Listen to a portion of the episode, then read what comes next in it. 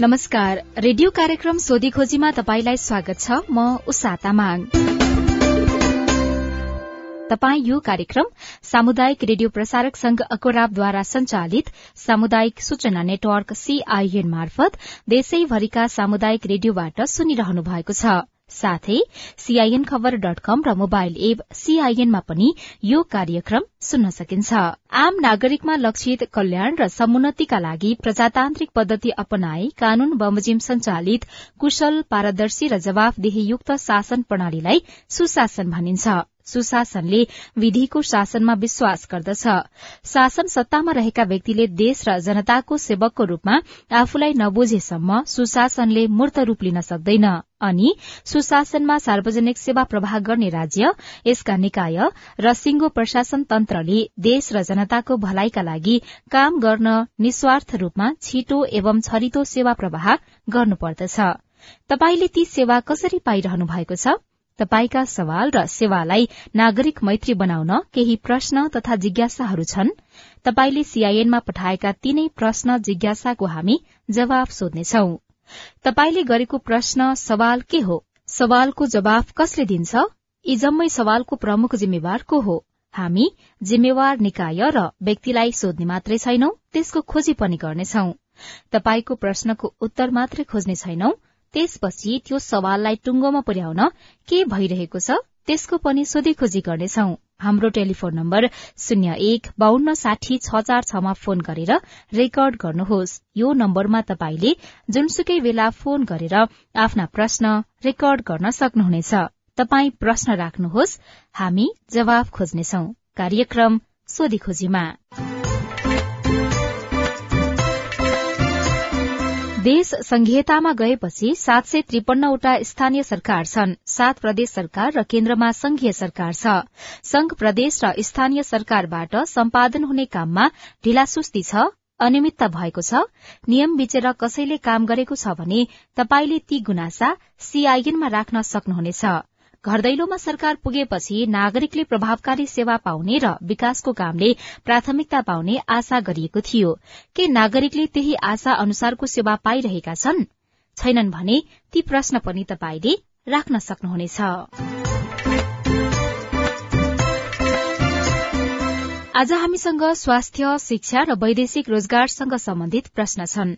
शुरूमा महामारीकै रूपमा फैलिएको डेंगीको सोधीखोजी गरौं। जवाफ दिँदै हुनुहुन्छ सरुवा रोग विशेषज्ञ डाक्टर शेरबहादुर पुन। हामीलाई प्राप्त भएका यी प्रश्नहरू चाहिँ हाम्रो फेसबुक मार्फत अथवा अनि त्यस पछाडि हाम्रो इमेल मार्फत पनि प्राप्त भएका प्रश्नहरूलाई मैले एकैचोटि सोध्दैछु। खासमा चाहिँ डेंगीसँग सम्बन्धित रहेर मैले तपाईँलाई प्रश्नहरू सोध्नेछु। शुरूमा चाहिँ डेंगी संक्रमण भएको पुष्टि भए पछाडि चाहिँ स्वास्थ्यमा कस्ता कस्ता परीक्षणहरू गराउनुपर्छ भन्ने जिज्ञासा छ। अब डेङ्गीको यदि शङ्का लाग्यो भने चाहिँ पहिलो कुरो त अब डेङ्गी नै हो या होइन भन्ने एउटा प्रश्न उठ्छ किन भन्दाखेरि डेङ्गी सँगसँगै अरू संक्रामक रोगहरू पनि छन् जसको चाहिँ लक्षणहरू धेरै मिल्दोजुल्दो छन्। त्यसले गर्दाखेरि एउटा डेङ्गीको परीक्षण हामीले अनिवार्य गर्छौँ र सँगसँगै चाहिँ विशेषतः रगतमा एक प्रकारको उतार चढाव देखिन्छ र भन्नै पर्दाखेरि चाहिँ सेतो रगत भयो त्यसपछि प्लेटलेट्सको संख्या भन्छौँ जसको कारणले गर्दाखेरि चाहिँ रगत जुन एउटा जम्नुपर्ने हो त्यो प्रक्रियामा नै समस्या ल्याउँछ। त्यो हामीले हेर्ने गर्छौँ। र त्यो सँगसँगै अब कलेजोको पनि हामीले टेस्ट गर्छौँ किन भन्दाखेरि डेङ्गी सङ्क्रमण हुँदाखेरि कलेजोमा पनि काम गर्ने क्षमतामा केही समस्याहरू निम्त्याउने गर्दछ। यी चाहिँ अब मुख्य हुन्। अब त्यो बाहेक यदि केही गरी थप समस्याहरू बल्झिँदै गएमा चाहिँ हामीले अरू परीक्षणहरू पनि गर्नुपर्ने चाहिँ हुन सक्दछ। डेंगी संक्रमण भएर निको भइसके पछाडि चाहिँ स्वास्थ्यमा कुनै खालको समस्याहरू देखिन्छ कि देखिँदैन? सामान्यतया चाहिँ अब हामीले धन्य धन्य आठ दस दिनपछि परीक्षणहरू गर्ने अथवा चिकित्सकसँग अस्पतालमा आएर भेट्नै पर्ने अवस्था हुँदैन भनेर हामीले पठाउने गर्दछौँ। तर यसको मतलब यो पनि होइन कि अब उहाँ पूर्ण रूपमा पहिला चाहिँ दैनिकीमा एकदमै एकदम छिटो छरितो चाहिँ आफू जान सक्ने भन्ने चाहिँ होइन। सामान्यतया झन् तिन चार हप्तासम्म चाहिँ बिरामी एकदम अत्याधिक थकित एकदम कमजोरी अलिकति आफ्नो काममा केन्द्रित हुन नसक्ने यस्ता कुराहरू चाहिँ हुन सक्दछ। त्यसले गर्दाखेरि यस्ता खालका समस्याहरू चाहिँ अब हामीले देख्ने गर्दछौँ र अरू चाहिँ त्यस्तो एकदमै एकदम भनौँ सिरियस समस्याहरू चाहिँ खास हामीले देख्ने गरेको चाहिँ पाउँदैनौँ। डेङ्गी पुष्टि भए पछाडि अथवा जो डेङ्गीका बिरामीहरू हुनुहुन्छ उहाँहरूले चाहिँ कस्तो कस्तो कुराहरूमा ध्यान दिने? डेङ्गी लगिसकेपछि चाहिँ हुन त अब अधिकांशलाई हामीले घरमै बस भन्ने गर्दछौँ। किन भन्दाखेरि सबै डेङ्गी कडा हुँदैन। खास गरी यसको मृत्युदर पनि एक प्रतिशत हुन मान्छ हामीले र अलिक कडा देखिने भनेको चाहिँ पाँच प्रतिशतभन्दा मुनिकोलाई अलिक कडा देखिन्छ भन्ने तथ्याङ्कहरू हामीले पढ्न पाउँछौँ। यदि त्यस्तो हो भने त अब उहाँहरूको रगतको जाँच यो नियमित रूपमा हामीले अघि मैले भने जस्तै जुन टेस्टहरू छ त्यो टेस्टहरू हामीले गर्दै हेर्दै उहाँहरू सल्लाह लिने गर्दछौँ र त्यही अनुरूप नै हामीले उहाँहरूको समय पुगेपछि भनौँ राम्रो भइसकेपछि उहाँहरूको यो जुन एपिटाइट भन्छ हामीले यो खानामा जुन रुचि जुन अरुचि भएको हुन्छ त्यो रुचि फर्किन रुचि फर्किन थाल्यो भने चाहिँ र अनि रगतमा समस्याहरू अब बिस्तारै सामान्यकरण हुँदै गयो भने चाहिँ हामीले केही पनि गर्दैनौँ। तर कोभिडमा मैले स्मरण गराउन चाहेँ कोभिडमा पनि हामीले घरमा बस भन्दै गर्दाखेरि चाहिँ शरीरमा अक्सिजनको यो स्तरहरू घट्दै गयो भने तपाईँ तुरन्त यो चिकित्सकसँग अथवा अस्पतालमा जानु है भन्ने चाहिँ भन्ने गर्छु। यसमा पनि एउटा कुरा के हो भन्दाखेरि यदि कोही व्यक्तिलाई निरन्तर बाध्य हुने नरोकिकन कहिलेकाहीँ हुने चाहिँ होइन है यहाँनिर निरन्तर बान्ता हुने अनि रगत रक्तस्रावहरू रगत बगेको कतै देखियो जस्तो उदाहरणको लागि गिजाबाट नाकबाट बान्ता गर्दा बान्तामा रगत देखिने यस्तै समस्याहरू यदि केही केही देख्यो भने चाहिँ उहाँहरू घरमा बस्ने होइन त्यो बेलामा कुनै पनि समयमा चाहिँ अस्पताल जानुपर्ने हुन्छ। यो अहिलेको लागि चाहिँ सबैभन्दा महत्त्वपूर्ण कुरा हो र यो चाहिँ एकदमै सबैले जो जो डेङ्गी लगाएर बसेका छन् अथवा डेङ्गीको शङ्का गरेर बस्नुभएको छ हुनुहुन्छ उहाँहरू सबैले चाहिँ यो बारेमा विशेष सतर्कता अप्नाउनु पर्ने देख्छु होइन भने भने त भाइरल इन्फेक्सन हो अधिकांशमा चाहिँ अघि मैले भने जस्तै समय अवधिमा चाहिँ बिस्तारै राम्रो भएर चाहिँ जाने गर्दछ डेङ्गीका बिरामीहरूले विशेष गरेर जिउ चिलाउने होइन शरीरका विभिन्न भागहरूमा चिलाउने भन्ने चाहिँ धेरैको मुखबाट सुन्नमा पाइयो। खास शरीर चाहिँ किन चिलाउने हो र यसको समाधान चाहिँ के हुन सक्छ? अब चिलाउने चाहिँ हुन्छ यो अनुमानित हामीले भन्छौँ नि एउटा चाहिँ सुरुवातीतिर पनि चिलाउँछ जस्तै दुईदेखि चार अथवा औषधमा भने तिन दिनमा भन्छु म। त्यो बेलामा चिलाउँछ एउटा। त्यो चाहिँ अब हाम्रो शरीरमा डेङ्गु इन्फेक्सनले गर्दा भएका क्रिया प्रतिक्रियाहरू जुनभित्र जुन शरीरमा एउटा परिवर्तन भइरहन्छ त्यो कारणले भयो। भने अर्को चाहिँ सकिने बेलामा खास गरी हाम्रो रिकभरी फेज भन्छौँ भने भने त्यो चाहिँ औषधमा भने सात दिन भन्छ तर कसै कसैको पाँच छ दिनदेखि सुरु हुन्छ कसै कसै आठ नौ दिनमा पनि देखिन्छ त्यो देखिन्छ। तर त्यो त्यो देखिँदाखेरि चाहिँ अलिकति मानिसहरू आर्थिक जस्तो पनि देख्छ खास आर्थिनु पर्दैन। त्यो एउटा एउटा भनौँ स्वास्थ्य बिस्तारै राम्रो हुँदै गएको भनेर बुझ्नुपर्ने हुन्छ। तर त्यो सँगसँगै चाहिँ उहाँको खानामा रुचि पनि बढेर जानुपर्छ पिसाब यो समय नियमित हुनुपर्छ। पनि राम्रो हुनुपर्छ खोलेको हुनुपर्छ भन्नु खोजेको मैले। यसरी चाहिँ समग्रमा चाहिँ शरीर केही दिन अगाडि भन्दा अलिकति हल्का अलिक सजिलो सहज उहाँहरूले महसुस गर्नुहुन्छ। त्यो भएको भनेर चाहिँ यसलाई यो जुन चिलाउने भन्ने छ यसलाई यसलाई अलिकति नकारात्मक रूपमा लिने भन्दा पनि सकारात्मक रूपमा पछि पछिल्लो पटकको मैले चिलाउनेको समयको कुरा है सकारात्मक लिन सकिन्छ। र कस्तो भन्दाखेरि यदि गरी कोही व्यक्ति चाहिँ अब यस्तै चिलाउने कि जसले गर्दाखेरि सुत्न समेत गाह्रो हुने त्यस्तो अवस्था आयो भने चाहिँ हामीले त्यही अनुसार चाहिँ औषधि चाहिँ लेखिदिने गर्दछ र खान चाहिँ सकिन्छ अब अर्को यहीसँग सम्बन्धित प्रश्न चाहिँ के छ भने जस्तो डेंगी संक्रमण पुष्टि भएका व्यक्तिहरूको चाहिँ खास गरेर अनुहारमा चाहे पोतो जस्तो देखिने दाग ससाना बिबिराहरू यो बिबिरा चाहिँ शरीरमा पनि आएको भन्ने चाहिँ धेरैजनाले चाहिँ भनेको सुनियो। खास यो डेङ्गीकै कारणले भएको हो? अब यस्तो हुन्छ डेङ्गु एकदम महामारीको रूपमा फैलिरहेको अवस्था छ अब अरू लक्षण सबै मिल्दोजुल्दो छ भन्यो भने चाहिँ त्यो सम्भावना चाहिँ डेङ्गुको कारणले होला भन्न सकिन्छ। तर यो भन्दै गर्दाखेरि सबै डेङ्गुकै कारणले मात्र हुन्छ भन्ने अवस्था पनि होइन। यो बेलामा अरू विभिन्न छाला छालाजन्य रोगहरू पनि हुनसक्छ। तर अहिले यति बेलामा कसैले एकदम देख्यो अत्याधिक ठाउँ देख्यो ज्वरो आयो र उसको घरमा अरूलाई पनि डेङ्गु भइरहेछ उहाँ आफ्नो कारणले डेङ्गुहरू भइरहेछ यी सबै कुराहरू भयो भने त त्यो सम्भावनालाई चाहिँ अलिक बढी हुन सक्ने भएको हुनाले हामी त्यही अनुसार चाहिँ सोच्नुपर्ने हुँदछ। यसको समाधानको उपाय चाहिँ के हुन सक्ला डाक्टर साहब?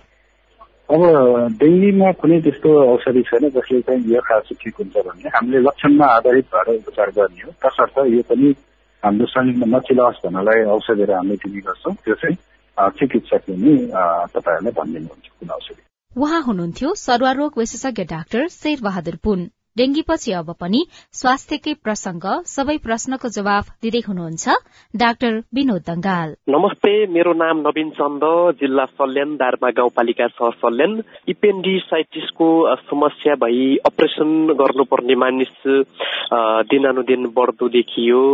नम्बर वान इपेन्डिसाइटिसको समस्या हुँदै नदिन्न के गर्ने के यो समस्या जुनसुकै उमेर समूहको मानिसलाई हुन्छ अनि इपेन्डिसाइटिस अपरेसन गरेको मानिस फेरि अपरेसन गर्नुपर्ने सम्म भयो दोस्रो पटक अपरेसन गर्नुपर्ने समस्या के कारणले आयो के खानपिनमा ध्यान नदिएर हो त अनि चाहिँ यो बढी भारी बोक बोकेर चाहिँ यस्तो भएको हो कि होइन अनि यो दोस्रो पटक अपरेसन गर्नुपर्ने चाहिँ भएपछि भविष्यमा केही नकारात्मक असर पर्छ कि यो चाहिँ के हुन्छ? जवाफ दिँदै हुनुहुन्छ डाक्टर विनोद दंगाल एपेन्डिसाइटिस भनेको सामान्य रूपमा एउटा आन्द्राको संक्रमण हो। त्यसलाई एपेन्डिक्स भन्ने एउटा आन्द्राको भाग हो। त्यसमा संक्रमण भयो भने एपेन्डिसाइटिस हुन्छ।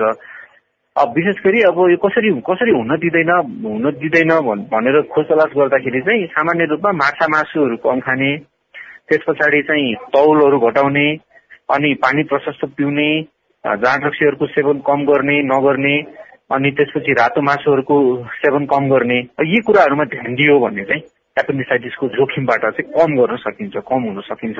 अब यो दोस्रो पटकको कुरा उहाँले उठाउनु भयो अब एपेन्डिक्स चाहिँ पहिलोचोटि नै राम्रोसँग निकालेको अवस्थामा चाहिँ फेरि फेरि यसको शल्यक्रिया गर्न जरुरी हुँदैन र गर्नु पर्दैन। तर कहिलेकाहीँ एपेन्डिक्सको अपरेसन गर्दाखेरि एपेन्डिक्समा पिपहरू भरिएको अथवा एपेन्डिक्स राम्रोसँग नभेटिएको त्यस्ता एकदमै कम हुने सम्भावनाहरूको अवस्थामा मात्रै दोस्रो पटक अपरेसन गरिने हो। नत्र भने चाहिँ एपेन्डिक्स एकचोटि निकालिसकेपछि फेरि फेरि यसको शल्यक्रिया गरिरहनु पर्दैन। अर्को चाहिँ कसलाई हुँदैन भन्ने कुरा भन्नुभएको छ। अब यो विशेष गरी झोलकुरा प्रशस्त खाने स्वस्थ जीवन बिताउने मान्छेलाई चाहिँ एपेन्डिसाइटिसको जोखिम कम हुन्छ।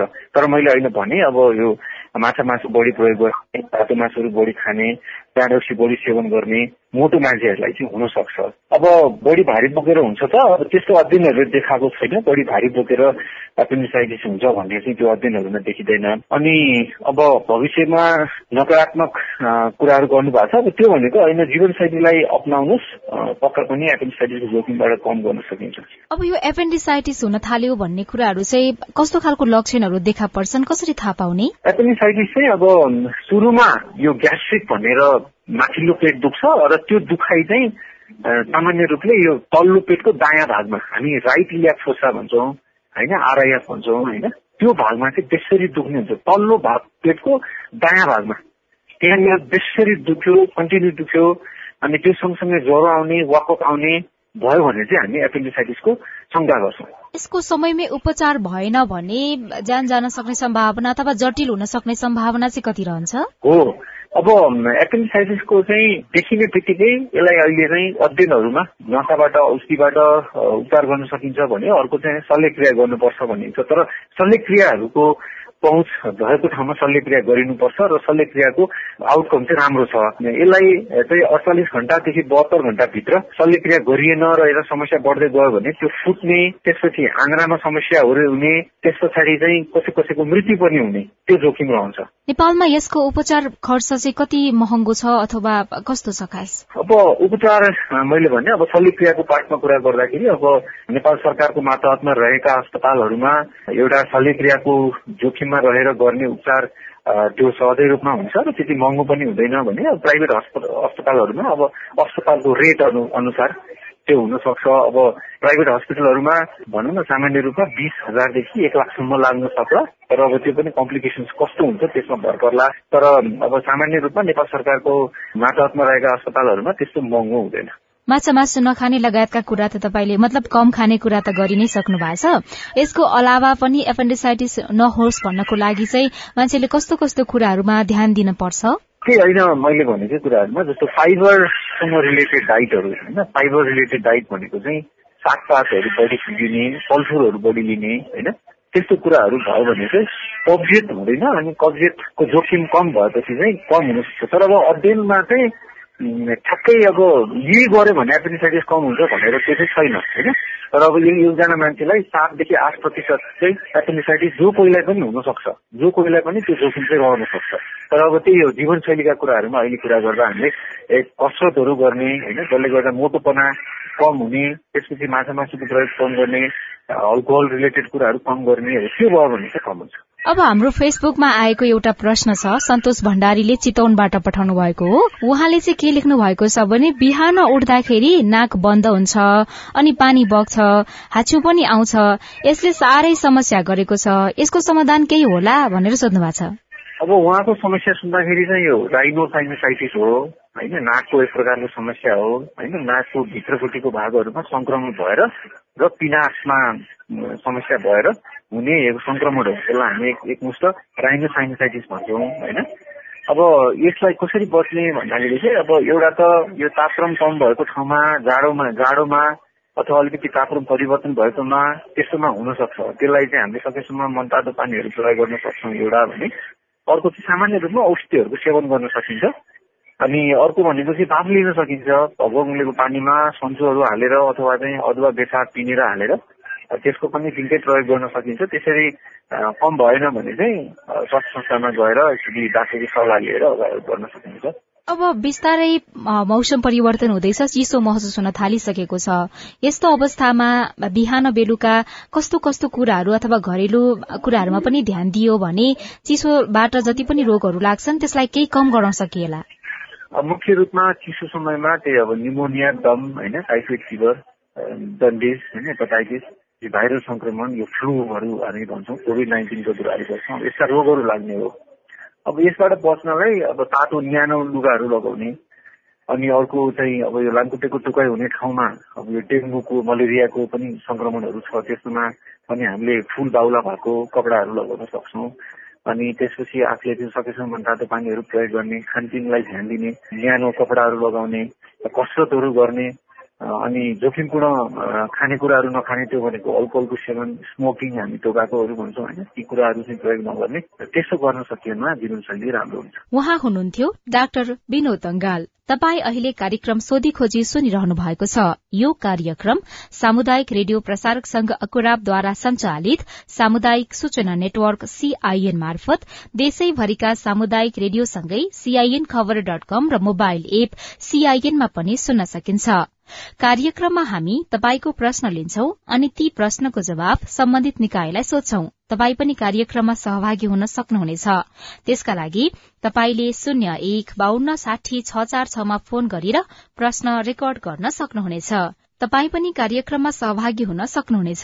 त्यसका लागि तपाईँले शून्य एक बान्न साठी छ चार छमा प्रश्न रेकर्ड गर्न सक्नुहुनेछ। यो नम्बरमा तपाईँले जुनसुकै बेला फोन गरेर आफ्नो प्रश्न जिज्ञासा गुनासा र समस्या रेकर्ड गर्न सक्नुहुन्छ। केही बेर अघि डेंगी र अन्य स्वास्थ्यका विषयमा सोधीखोजी गर्यौं। कार्यक्रममा अब वैदेशिक रोजगारीको प्रसंग। वैदेशिक रोजगारीका क्षेत्रमा आएका सबै प्रश्नको जवाब हामीले वैदेशिक रोजगार कार्यालय काठमाडौँ तहचलका सूचना अधिकारी वसन्त बोहराबाट लिएका छौं। सिन्धुपाल्चोक जिल्ला चौतार नम्बर तीनबाट बोलेको। यो अहिले दुबईमा भिजिट भिसामा जानको लागि अहिले बन्द छ कि कस्तो छ अनि यो बन्द भए कहिलेतिर खोल्छ होला? भिजिट भिसाको सन्दर्भमा भिजिट गर्नका लागि मात्रै भिजिट परियोजनका लागि मात्रै प्रदान गरिएको स्थिति छ। काम गर्ने परियोजनका लागि भिजिट भिसा उपयोग हुँदैन। तसर्थ हामीले काम गर्ने परियोजनका लागि भिजिट भिसा प्रदान गर्ने स्थिति रहेको छैन। भिजिट भिसामा जति पनि नेपालीहरू त्यहाँ पुगेका छन् उनीहरूको अवस्था बारे पनि विभिन्न खालका कुराहरू आइ नै रहेको छ। आधिकारिक कुरा चाहिँ के छ अहिले? भिजिट भिसाबाट त्यहाँ पुगेका नेपालीहरूको सन्दर्भमा कुरा गर्दाखेरि हामीले त्यहाँको श्रम सहकारीज्यूसँग बुझ्दै गर्दाखेरि कतिपय व्यक्तिहरू समस्यामा परेको र उनीहरू नेपालमा फर्किनका लागि हाम्रो त्यहाँबाट पहल गरिराखेको स्थिति कतिपय साथीहरूलाई त्यहाँको कानून अनुसार कार्यान्वयन पनि पुऱ्याएको स्थिति छ। बिजी भिसामा गएर उतै अवैधानिक गैर कानुनी ढंगबाट काम गरेको स्थिति छ भने त्यस्तो अवस्थामा कारवाही हुने व्यवस्था भएको हुँदा धेरै नेपालीहरू आपतमा परेको भन्ने कुराहरू जानकारीमा छ। भिजिट भिसामा दुबई गएर काम गर्न चाहने जो सपना देखिरहेका हुन्छ नि त्यस्ता व्यक्तिहरूलाई तपाईँहरूको सुझाव चाहिँ के हुन्छ? हामी उहाँहरूलाई एकदमै स्ट्रिक्टली भन्न चाहन्छौँ कि भिजिट भिसामा गएर गैर कानुनी रूपमा काम गर्ने कुराहरू यहाँहरूबाट गर्दै नगर्नुहोस् किनभने हामीले वैधानिक तौरबाटै विभिन्न देशमा विश्वका एक सय अठहत्तरवटा देशहरूमा काम गर्नका लागि खुला गरिएको छ। त्यसो भएको हुँदाखेरि निश्चित प्रक्रिया पुर्याएर श्रम गरेर मात्र बाहिर जानुभयो भने तपाईँहरूलाई पछिका दिनमा पनि राज्य कुनै आपद विपद पर्दाखेरि राज्य पनि जिम्मेवार हुने अवस्था रहन्छ भने त्यसो हुन सकेन भने उहाँहरूमा उहाँहरूको सन्दर्भमा राज्य जिम्मेवार हुन सक्ने स्थिति हुँदैन। तसर्थ भिजिट गएर गैर कानुनी रूपले बस्ने कार्य कुनै पनि हालतमा नगर्नुहोस् भन्न चाहन्छौँ हामीहरू। अब यो एक सय अठहत्तर देशमा जान पाइने भन्ने व्यवस्था रहेको छ। खास गरेर पछिल्लो समय हेर्दाखेरि माल्टा रोमानिया त्यस पछाडि क्रोएसिया लगायतको देशमा चाहिँ नेपालीहरू जाने क्रम अलिक बढ़ेको जस्तो पनि देखिन्छ। खास यी देशहरू वैधानिक हुन् वा होइनन् र फेरि यसको बाँकी प्रक्रियाको लागि भारतै जानुपर्ने? यस्तो खालको प्रक्रिया खास यो वैधानिक अवैधानिक के हो? अहिले हजुरले लिएका नामहरूको देशहरूमा जानका लागि वैधानिक नै हो। र त्यहाँ विशेष गरेर व्यक्तिले आफ्नै पहलमा श्रम त्यहाँ रोजगारीका लागि डिमान्ड प्राप्त गरेर माग प्राप्त गरेर व्यक्ति आफैले आफ्नै पहलमा अथवा कुनै मेन पावर मार्फत चाहिँ पहल गरेर जान सक्ने स्थिति रहन्छ। त्यसबाहेक हामीले एक सय अठहत्तर देशमा केही जसो अफगानिस्तान इराक किर्गिस्तान अनि अहिलेको क्रुसिया रुस केही त्यस्ता जहाँ द्वन्द्वग्रस्त देशहरू र जहाँ नेपालीहरूलाई पठाउँदाखेरि भोलि सेक्युरिटीको हिसाबले पनि गाह्रो छ त्यो देशमा हामीले पठाएको स्थिति छैन भने जस्तो इपिएस लगायतका इजरायलका कुरा जस्तो कोरिया र अहिले भर्खरै यो युकेतिरका लागि जी टू जी गभर्मेन्ट सँग नै त्यहाँको सरकारहरूसँग नै सम्झौता पत्रमा हस्ताक्षर गरेर त्यसरी पठाउने गरिएको छ भने ती बाहेकका अरू जुन मैले एक सय अठहत्तर देशको कुरा गरेँ ती रोजगारीका लागि खुला छन् तर द्वन्द्वग्रस्त देशहरूमा चाहिँ हामीले तत्काल पठाएको छैनौँ भने त्यो बाहेकको देशमा कसै व्यक्तिले आफ्नो स्वयं पहलमा चाहिँ डिमान्ड प्राप्त गरेर उहाँहरू यदि जान चाहनुहुन्छ भने त्यसका लागि खुला गरिएको छ। एउटा यसैमा थप जोड्न चाहेको प्रश्न चाहिँ जस्तो म विदेश जान चाहन्छु भने मलाई कुनै म्यान पावर कम्पनीले चाहिँ उसैले तोकेको ठाउँमा मेडिकल गर्न जानुपर्ने त्यस्तोमा चाहिँ शुल्क पैंतालिस सय पाँच हजारदेखि माथिसम्म हुने। खास मेडिकलसँग सम्बन्धित व्यवस्था चाहिँ के छ? मेडिकलसँग सम्बन्धित व्यवस्थाको कुरा गर्दाखेरि हाम्रो श्रम रोजगार तथा सामाजिक सुरक्षा मन्त्रालयले नै सर्टेन सूचीकृत संस्थाहरू तय गरेको छ। उनीहरूले मेडिकल कुनै मेन पावरले तोकेको मेडिकलमा मात्रै गएर भन्दा पनि स्पेसिफिक रूपमा ती तोकिएका अधिकार प्राप्त संस्थाहरूमा गएर मेडिकल चेक जाँच गराउन सक्छन्। नमस्कार। दिपेन्द्र सिंह साप्ताहिक खोला गाउँपालिकाबाट फ्री छ फ्री टिकट। विदेश लानु भनेर। नमताङ आश्वासन देखाएर फ्री भिसा फ्री टिकट नभएको खुल्मा आएको हुन्छ। त्यो कुरा प्रश्न हुन म सम्बन्धित विचार समक्ष विनम्र अनुरोध गर्दछु। फ्री भिसा फ्री टिकट जुन असाध्यै महत्वपूर्ण जेन्युन क्वेसन पनि हो यस सन्दर्भमा अहिले अब केही मेन पावरहरूले पैसा उठाएर मात्रै बाहिर पठाउने सरकारले चाहिँ फ्री भिसा फ्री टिकट भने पनि मेन पावरहरूले व्यक्तिहरूबाट पैसा नदिएसम्म नउडाउने खालका जनगुनासाहरू आएका छन्। त्यस सन्दर्भमा वैदेशिक रोजगार विभाग एकदमै कटिबद्ध ढङ्गले लागेको छ र म यहाँ मार्फतै यहाँहरू सम्पूर्णलाई के निवेदन गर्न चाहन्छु भने तपाईँहरूले कुनै पनि हालतमा फ्री भिसा फ्री टिकट भएका मुलुकहरूमा जानका लागि पैसा नतिर्नु होला। र पछिल्लो समय कस्तो पनि देखिएको छ भने पैसा तिर्ने पैसा तिरेर आएर हामी कहाँ कम्प्लेन सुनाउने। पहिलो कुरा त तपाईँहरू आफै पनि सचेत हुनु पर्यो। हामीले फ्री भिसा फ्री टिकट भनेको ठाउँमा पैसा तिर्नु हुँदैन भन्ने कुरा। र यद्यपि त्यति हुँदाहुँदै पनि तपाईँहरूलाई जबरजस्ती गरिन्छ अथवा त्यस्तो प्रेसरै सिर्जना हुन्छ भने त्यसका लागि वैदेशिक रोजगार विभागले अहोरात्र खटेर त्यस्ता मेन पावरमाथि कारवाही चलाउने काम कतिपयलाई कारवाही पनि गरेको स्थिति छ भने कतिपयलाई चाहिँ कारवाहीको दौरानमा रहेको पनि जानकारी गराउन चाहन्छु। उहाँ हुनुहुन्थ्यो वैदेशिक रोजगार कार्यालय काठमाडौँ तहचलका सूचना अधिकारी बसन्त बोहरा। अब बाँकी प्रश्नोत्तर सुनौ। म रामविलास यादव जनता माध्यमिक विद्यालय बेथा भवानीपुर सिराहाको प्रधान अध्यापक हुँ। नेपाल सरकारले दो हजार उन्चास सालमा एकपल्ट प्रत्येक विद्यालयका लागि चार दरबन्दी थपिएको थियो। त्यसदेखि विद्यालय संख्या बिस गुणा र विद्यार्थी संख्या तीस गुणाले बढ़िसकेको अवस्था छ। यस्तो अवस्थामा नेपाल सरकारले हालसम्म कुनै पनि विद्यालयमा शिक्षक दरबन्दी थपेको छैन। शैक्षिक जनशक्तिको कारणले गर्दा कसरी हामी चाहिँ विद्यालय सञ्चालन गर्न सक्छौ र शैक्षिक गुणस्तर राम्रो राम्रोसँग कसरी प्रदान गर्न सक्छौ? किन नेपाल सरकार शिक्षक दरबन्दी निर्गम गर्नमा निकासा दिनमा अन्कन्याइरहेको छ यसलाई गरिरहेको छ? यसको जवाब सम्बन्धित मन्त्रालय र पदाधिकारीबाट चाहिएको छ। धन्यवाद। जवाफ दिँदै हुनुहुन्छ शिक्षा विज्ञान तथा प्रविधि मन्त्रालयका प्रवक्ता दीपक शर्मा। प्रश्नको लागि धन्यवाद। यहाँलाई थाहा नै छ। नेपाल सरकारबाट दुई हजार छप्पन्न साल पछाडि शिक्षकहरूको स्थायी दरबन्दीहरू थप भएको अवस्था छैन। र त्यो बीचमा विद्यार्थी संख्या बढेको कारणले पठन पाठनमा अप्ठ्यारो भएपछि हामीले चाहिँ अरू विभिन्न उपायहरू जस्तो राहत अनुदानबाट शिक्षण सिकाइ सहयोग अनुदानबाट त्यो चाहिँ शिक्षकहरूको अभावलाई परिपूर्ति गर्ने गरी शिक्षा विज्ञान प्रविधि मन्त्रालयले प्रयास गरिरहेको छ। र त्यसको साथमा दरबन्दी मिलानको कार्यक्रमहरू पनि अहिले हामीले चलाइरहेका छौँ। दरबन्दी मिलानबाट पनि केही समस्याहरू समाधान गर्ने प्रयासहरू भइरहेको छ।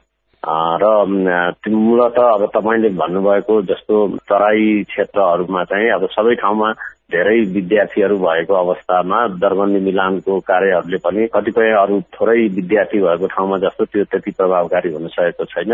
र यो शिक्षकको दरबन्दी थप्ने विषय शिक्षा विज्ञान प्रविधि मन्त्रालयले मात्रै गर्न सक्ने विषय होइन। तथापि हामी त्यसमा चाहिँ प्रयत्नशील छौँ। नेपाल सरकारले गठन गरेको जुन दरबन्दी मिलान सम्बन्धी सुझाव समितिको जुन प्रतिवेदन छ त्यो प्रतिवेदनलाई कार्यान्वयन गर्न मन्त्रालय चाहिँ अहिले पनि प्रयत्नशील रहेको छ। यिनै प्रश्नोत्तरसँगै अब भने हामी कार्यक्रम सोधी खोजीको अन्त्यतिर आइपुगेका छौं। तपाईलाई यो कार्यक्रम कस्तो लाग्यो? नागरिकले प्राप्त गर्ने सेवा र विकास निर्माणको कामलाई गुणस्तरीय र प्रभावकारी बनाउन के गर्नु पर्ला तपाईँका केही सुझाव र टिप्पणी छन् भने हाम्रो टेलिफोन नम्बर शून्य एक बान्न साठी छ चार छमा फोन गरेर रेकर्ड गर्नुहोस्। यो नम्बरमा तपाईँले जुनसुकै बेला फोन गरेर आफ्ना प्रश्न रेकर्ड गर्न सक्नुहुनेछ। तपाई प्रश्न राख्नुहोस्। हामी जवाफ खोज्नेछौ। कार्यक्रम सोधी खोजीमा यो कार्यक्रमलाई थप प्रभावकारी बनाउन तपाईँको सुझाव महत्वपूर्ण हुनेछ। हेलो सीआईएनमा हरेक दिन र रेडियो कार्यक्रम मार्फत अर्को हप्ता तपाईँका प्रश्नको जवाफ खोज्दै आइपुग्नेछौ। आजका लागि प्राविधिक साथी सुभाष पन्तलाई धन्यवाद दिँदै अहिलेको रेडियो कार्यक्रम सोधी खोजीबाट म उषा तामाङ विदा हुन्छु। प्रश्न सोध्न अप्ठ्यारो नमानौ। नमस्कार